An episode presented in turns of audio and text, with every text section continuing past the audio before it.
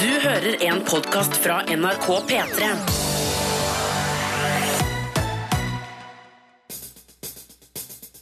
Filmpolitiet.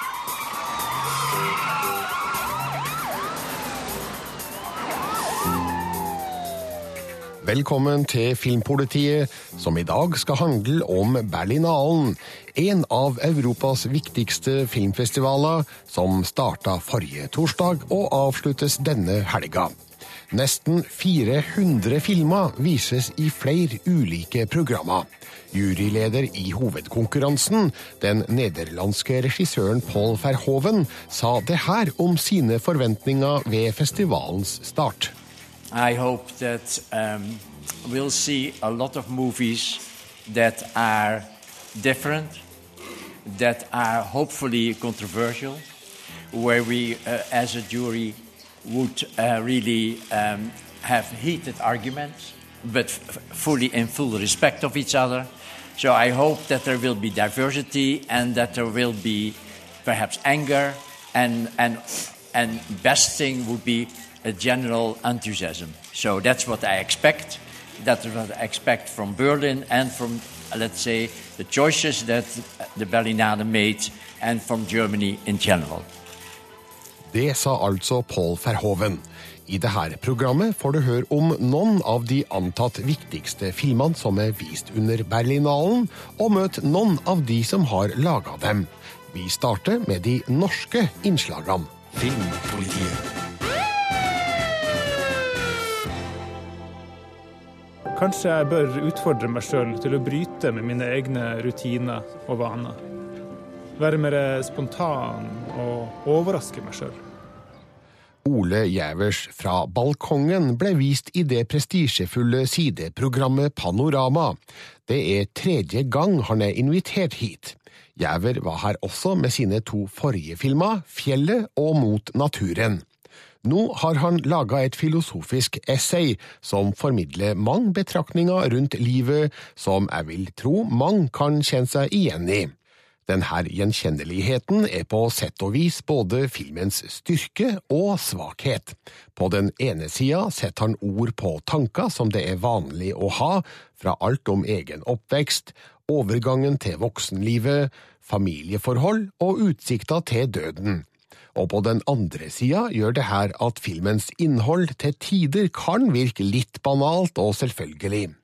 Av og til er betraktningene i enkleste laget, nesten litt naive, men filmen har et stort hjerte, den er morsom, og Gjæver fremstår som en dønn ærlig og ekte person. En gang var universets sentrum i Tromsø. Det var her jeg og broren min ble knytta til hverandre for alltid. At jeg fikk min første bestevenn, var avstandsforelska i Margrethe gjennom hele barneskolen. At jeg lå med ei jente og ble full for første gang. Alt var så inderlig og intenst. Jeg kunne høre Enja på repeat uten å tenke på at det var flaut. Hans forrige film, Mot naturen, var nok bedre og mer tilgjengelig. Fra balkongen er litt mer springende og retningsløs. Litt vanskeligere å få umiddelbart tak på. Men den er levende, leikende og eksperimentell i formen, og knytter sammen nåtid og fortid til et portrett av en voksen mann i verdens rikeste land, med de utfordringene det bringer med seg. Fra balkongen er både sjølopptatt, navlebeskuende og utleverende, men det er vel nettopp det som har vært målsetninga her. Kjedelig blir det aldri, fordi Ole Gjæver og hans sympatiske familie er godt selskap, og minner mistenkelig mye om de fleste av oss. Filmen er òg ofte genuint morsom, av og til på en litt pinlig måte, fordi man kjenner igjen tanker og følelser som man sjelden tør uttrykke overfor andre. Gjæver gjør det på kamera, og det er både modig og vittig, og innimellom litt kleint. Det er ikke helt fastsatt når Fra balkongen får norgespremiere, men det blir sannsynligvis i slutten av juni. Det var store tanker, men det var ikke tull. Jeg skulle bli noen. Jeg hadde til og med lenge i forestilling om at jeg en dag skulle få vite at jeg var den nye Jesus. Filmpolitiet. En annen norsk film Oscars Amerika, ble vist i sideprogrammet Generation, som fokuserer på barne- og ungdomsfilmer. Den ble vist i den store kinoen Zoopalast, som var fullstappa med tyske barn. Er du ny her? Jeg er bare på besøk. Hvor lenge skal du være her? Til mammaen min kommer hjem fra Amerika. Filmen handler om Oskar, spilt av Odin Eikre, som motvillig må tilbringe sommerferien hos bestefaren Helmer, spilt av Bjørn Sundquist, mens mora, spilt av Marie Blokhus, sier hun skal til Amerika på jobbintervju. Han blir kjent med Levi, spilt av Jørgen Langhelle, og hans lille hest, som heter Hesten, og de legger en plan sammen om å ro over Atlanteren for å finne mora. Jeg skal fære dit på jobbintervju. Jeg tenkte du kunne være som bestefar i sommer. Amerika. Ja, det blir vel trivelig.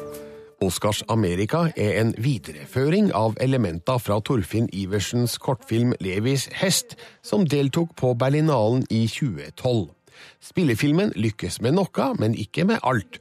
Det er prisverdig å lage barnefilm med mørke undertoner. Filmens unge skuespillere er søte, men spiller altfor flatt. Det krever en barnlig fantasi som filmen rett og slett mangler. Men spenningssekvensene fungerer når hus brenner, hesten forsvinner og må reddes fra slem ramp. Oscars Amerika har òg fordelen av å være filma i smellvakre omgivelser på Andøya i Vesterålen i Nordland. Sjøl om jeg, en voksen filmkritiker, er mellomfornøyd med Oscars Amerika, er nok filmskaperne storfornøyde med applausen og jubelropene de fikk fra de tyske barna som så filmen på Berlinalen.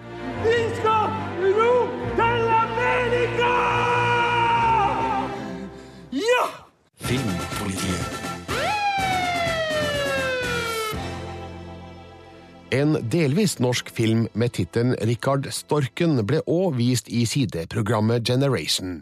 Dette er en europeisk samproduksjon, der regissørene Toby Genkel og Reza Memari er tyske, mens hovedprodusenten er norske Christine Knutsen, som driver et selskap i Tyskland som heter Knutsen og Streuber. Det er òg produsenter fra Belgia og Luxembourg med, samt produksjonsselskapet Den siste skilling i Bergen. Og hvem har vi her? Kjenner du denne fuglen? Kjenner meg? Hun er moren min! Rikard Storken handler om spurven Rikard som blir adoptert og oppdratt av et storkepar. Han tror derfor at også han er en stork. Når trekkfuglene skal dra sørover for vinteren, får ikke Rikard være med fordi en spurv ikke vil greie den lange reisa. Han bestemmer seg likevel for å følge etter storkefamilien sin, noe som resulterer i spennende begivenheter nedover Europa. Vi må trekke sørover før vinteren kommer. Jeg er klar som et egg! Vi skal jo til Afrika. Rikard Storken er en morsom og sjarmerende film for et yngre publikum. Den har kjent tematikk som familietilhørighet, separasjonsangst, overvinne hindringer og det å finne sin egen identitet. Dersom man bruker kongene på animasjonshaugen, altså Pixar, som målestokk, ser man nok at Rikard Storken befinner seg i en lavere divisjon, både når det gjelder historiefortelling og animasjonskvalitet. Men det her er like fullt en solid og gjennomført tegnefilm, som også norske barn vil få stor glede av når den kommer på kino 5. mai. Da kommer Rikard Storken sjølsagt til å ha norske stemmer, og det kan gjøre filmen enda bedre, for de tyske stemmene er så filmen med i Berlin variert i kvalitet. Det er en spurv der som vil fly over havet til Afrika! Afrika? Wow. Filmpolitiet. Jeg møtte filmens norske produsent Kristine Knutsen på Berlinalen. Hun kunne fortelle nøyaktig hvor norsk Rikard Storken er. Ja, er, eh, jeg syns den er veldig norsk. Altså, vi har jo gjort masse, masse av animasjonen i Norge. Altså, eh, en tredjedel av animasjonen gjorde vi i Bergen. Og det tok jo godt over et år. Eh, så der satt det masse folk. Og så har vi gjort hele postproduksjonen i Norge. Og det er både på lydsiden og også det vi kaller fargekorrigering på slutten. Og, og lage de ulike versjonene. Jeg vil si at Både animasjonen var veldig positivt fordi at det var utrolig høy kvalitet på det de gjorde i Bergen, på, hos Bug. Og eh, dette med lyden det veldig, var veldig morsomt og et kjempestort arbeid. Fordi det er en veldig kompleks, kompleks lyd. Um, mange lag. Vi har kjempeflott musikk.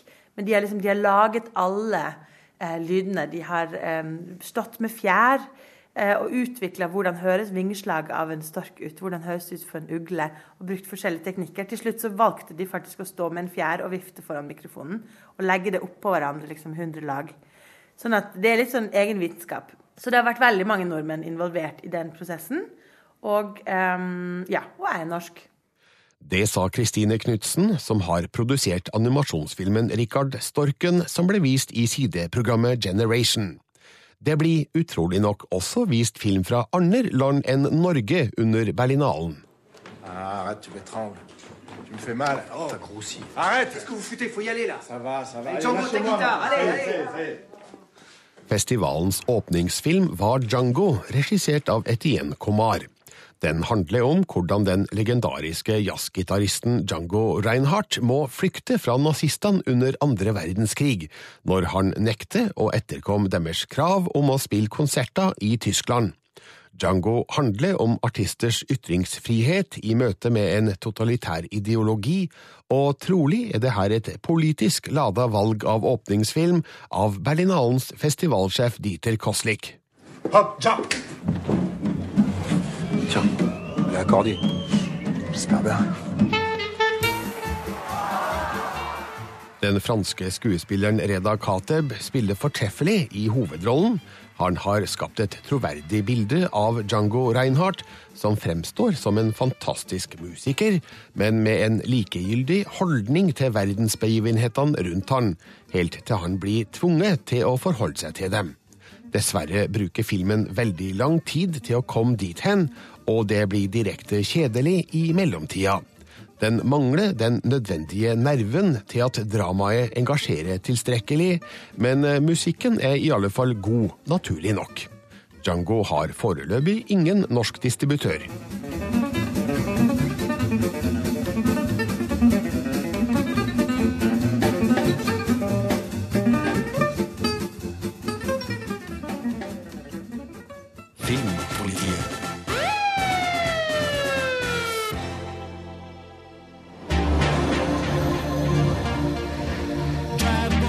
Life. Choose Facebook, Twitter, Instagram, and hope that someone, somewhere cares. Missed you, mate. I missed you too, Spud. En film som ble vist utafor konkurranse i Berlin, var T2 Trainspotting. Det her er en god oppfølger som aldri hadde mulighet til å måle seg med originalen. Regissør Danny Boyle virker å være mest interessert i å se bakover, og pakke både figurene og historien inn i tykk og melankolsk nostalgi. Spørsmålet er om vi ville hatt det på noe annet vis. Gjensynet med Renton, Sickboy, Spud og Begby er nemlig både hjertelig og bittersøtt. Og dem som husker hvordan den første Trainspotting kom som et popkulturelt skrall i 1996, vil få en anledning til å gruble over det samme som figurene gjør i denne oppfølgeren. Hvor ble alle årene egentlig av? T2 Trainspotting er absolutt godkjent som et ofte morsomt, tidvis bittersøtt og stadig underholdende etterskrift. It's not getting out of your body that's the problem, it's getting out of your mind. You are an addict. I think I haven't heard that a hundred thousand times, Mark. You got twelve more steps for my comedy. So be addicted. Be addicted to something else. Like running until I feel sick. Yes! Or something else. Jeg møtte regissør Danny Boyle i Berlin sammen med et knippe andre journalister. Han kunne avsløre at han var veldig redd for slakt da han gikk i gang med denne filmen. Yes, we were. It, there was a kind of. Initially, there was a like, wow, if we get this wrong, if this is really bad, there'll be it, it will be there'll be a it'll we'll be killed like never before, and we'll probably never recover. You know, so you've got that, but then that's exciting because you go, wow, okay, whew. Um, and then you forget it. You have to forget that. You can't make it every day with that fear on your back. You just can't. Um, the obligation is there to behave well because you're, you, you, you're indebted to the original so much and to people's love for the original as well. That doesn't go away. You feel that. And the, and the actors knew that instinctively. So that everybody, you know, it was a perfect set and everybody behaved very well. And But the pressure you forget, you have to forget. And just hope, you know, you put your faith and belief in what you're doing and in this script, which we knew had a more personal edge to it than perhaps people might expect. But actually, um, it's appropriate because you can't make that other film again about guys who are 46. What you can do is show them trying to behave like that again as part of the dynamic of the film, you know? Det sa regissør Danny Boyle om sin nye film T2 Trainspotting, som altså ble vist utenfor konkurranse i Berlin. Den får norgespremiere 24. februar. Filmpolitiet. De fleste filmene i hovedprogrammet under årets Berlinale holdt middels kvalitet. En av de bedre var Final Portrait, regissert av Stanley Tucci. Han er òg skuespiller, sett i filmer som Terminalen, The Devil Wears Prada og The Hunger Games. Han har holdt seg bak kamera denne gangen, og lar Jeffrey Rush og Army Hammer skinne foran. Filmen forteller den sanne historien om hvordan kunstneren Alberto Giacometti forsøker å male et portrett av forfatteren James Lord i Paris i 1964, en prosess som skal vise seg å bli mer langvarig og komplisert enn Lord hadde forestilt seg. Okay, let's go. Front on you look like a brute. Lower your chin. Side on you look like a degenerate. Not so far. Don't smile. Don't scratch. Oh my god. Final Portrait er basert på en bok skrevet av den virkelige James Lord, og gir morsom og interessant innsikt i hvordan Giacometti jobba, utsøkt spilt av Jeffrey Rush. Hans distré, lurvete og uforutsigbare fremtoning står i skarp kontrast til Army Hammers strøkne og strigla utseende. Det her setter forholdet mellom figurene i et litt merkelig lys. De virker ekstremt forskjellige, men er likevel gode venner som finner en felles interesse innen kunsten. Stanley Tucci regisserer med god sans for detaljer i en miljøskildring som vitner om et ekte kunstnerliv. Giacomettis atelier fremstår virkelig som et flytende work in progress. Hans forhold til broren, kona og den prostituerte elskerinna gir filmen ytterligere liv. Konfliktene mellom dem kan av og til fortone seg som litt klisjéfulle, men det gode skuespillet og det lekne manuset gjør at Final Portrait er en fortreffelig film om en innvikla kunstnerisk prosess. Filmen har foreløpig ikke norsk distribusjon. What are you doing? Don't move. There. Stay there. That's good. Oh, fuck! Fuck, fuck. How much longer can it go on like this? Fuck! Det er altså Army Hammer som spiller James Lord i Final Portrait. 30-åringen ble kjent for alvor da han spilte Winkelvoss-tvillingene i David Finchers The Social Network i 2010. Senere har vi sett han i store filmer som Lille speil på veggen der, Lone Ranger og The Man from Uncle. Men i den senere tida har han spilt i noen mindre filmer. Jeg møtte Army Hammer i Berlin og spurte om det her er en bevisst strategi for hans karriere. You know, I'm careful to say like, you know, that I have any sort of grand design with anything because I have no delusions of grandeur. Like I don't think that I can really plan out anything. I just kind of do the best I can with whatever that's given to me. But uh, I think that it's I had a really good time making those those big movies. You know, it was when you have a movie with a budget that size, you're afforded opportunities that you're not on something like this. You know, uh, you you get experiences like we're going to blow this building up, then we're going to flip that thing over, then we're going to, so you're sitting there going, oh my god, and you're watching these things happen, and it's so surreal. Uh, but then you know there are also things about it that's frustrating. Conversely, you know, on these small movies, you shoot seven or eight pages a day. You have extremely intense conversations about the script and about the characters and all that, things that you don't generally get to do on sort of like the bigger movies. But there are things about it that's frustrating. You know, sometimes ah, we need to get the shot, but we can't because we're losing the light. We don't have a budget for it, so we can't bring the lights out. And blah blah blah. So, so you know, it's it's you know, it's it's give and take with each. Um, I I've really enjoyed the last couple years doing these sort of like passion projects and and getting to work with people who I am genuinely terrifically excited to work with. Det sa Army Hammer, som altså spiller en av hovedrollene i Berlinale-filmen Final Portrait. Filmpolitiet. Jeg har gjemt to godbiter fra årets Berlinale til slutt. Den chilenske filmen Una mujer fantastica, eller En fantastisk kvinne, gjorde stort inntrykk i hovedprogrammet. Først og fremst takka være en fantastisk hovedrolle av Daniela Vega i det som utrolig nok er hennes spillefilmdebut. Hun spiller transpersonen Marina, som plutselig mister kjæresten sin og blir nødt til å bearbeide sorgen, samtidig som hun motarbeides av kjærestens ekskone og sønn. Min navn er Marina Vidal. ¿Tiene algún problema con eso? Me dijiste que se llamaba Daniel, pero ¿cómo la trato? No le digas Daniel, trátala como una mujer. Te perdona si soy un poco bruta, pero yo la verdad es que pienso que en esto hay pura perversión nomás. Filmen viser hvordan Marinas motiver mistenkeliggjøres i kraft av sin kjønnsidentitet, og hvor uhyrlig presumptivt vanlige mennesker oppfører seg mot hun. Filmen er heldigvis ikke helt sort-hvitt. Marina er òg omgitt av venner som tar hun for hva hun er, og vil hun godt. Una Mujer Fantastica er klokt regissert av Sebastian Lelio, kjent for filmen Gloria, mens to av Chiles mest kjente filmskapere, Pablo Larain og Juan de Dios Larain, samt kvinna bak suksessfilmen Min pappa Tony Erdman, Maren Ade, er blant produsentene. Daniela Vega spiller så godt i hovedrollen at hun bør være en sølvbjørnkandidat. Una Mujer Fantastica har foreløpig ikke fått norsk kinodistribusjon, men jeg kan tenke meg at filmen kan være aktuell for en av de mindre norske filmdistributørene.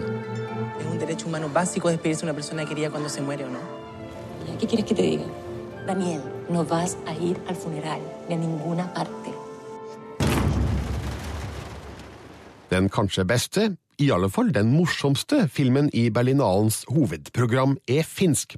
På engelsk heter den The Other Side of Hope, og er regissert av veteran Aki Kaurismäki. Hans forrige film, Le Havre, fortalte om et møte mellom en eldre mann og en flyktning i en europeisk havneby. Hans nye handler i bunn og grunn om akkurat det samme, bare at Le Havre er bytta ut med Helsinki. En finsk mann og en syrisk flyktnings veier krysses. Den ene forsøker å få sin nye restaurant opp og gå, den andre trenger en jobb og finner søstera som han mista på veien gjennom Europa. Mikäs mies sinä olet? I live here. This is my bedroom. Good afternoon, sirs. I want to seek asylum in Finland. No way. This is my garbage field. Seeking is no problem. You are not the first one. Do you want to fight? But I'm bigger. So what? Kaurismäki skildrer individuelle skjebner med sin særegne og tørrvittige humor, og et nydelig skrudd persongalleri, der skuespillerne underspiller kraftig med vilje. Den finske hovedrollen spilles av Sakari Kuosmanen, som Kaurismäki har brukt i totalt 16 kort- og langfilmer, blant annet Mannen uten minne, Juha og Leningrad Cowboys Go America. Filmen tar en smertelig aktuell tematikk og gjør den varm og medmenneskelig. Perustin tuottoisen ravintolaan. Tarvitsen hovimestarin. Eikä. Itsekin lopetan jouluna ja muutan Meksikositiin. Älä hävytalo. Beled emäänä. Haluatko daju? Mitä sille tehdä? Kadulla tuo kauan noilla raameilla pärjää. يعني برأيك أنا كمان لازم بلش مثل وأعمل حالي مبسوط ايه وفرحان هو هذا الشيء الوحيد اللي بس مو تتبسم بالشارع يظنوا انت مجنون Forventningene til The Other Side of Hope var store på Berlinalen, og Kaurismäki innfridd. Kanskje er det her en het kandidat til å vinne Gullbjørn. På pressekonferansen etter den første visninga fortalte Kaurismäki om sine ambisjoner for filmen. I was very modest. I didn't want to change the audience. I wanted to change the world. But uh, manipulative abilities are not good enough. Uh, so I think I have to limit it to change Europe, which is a tiny place as we slowly start to see.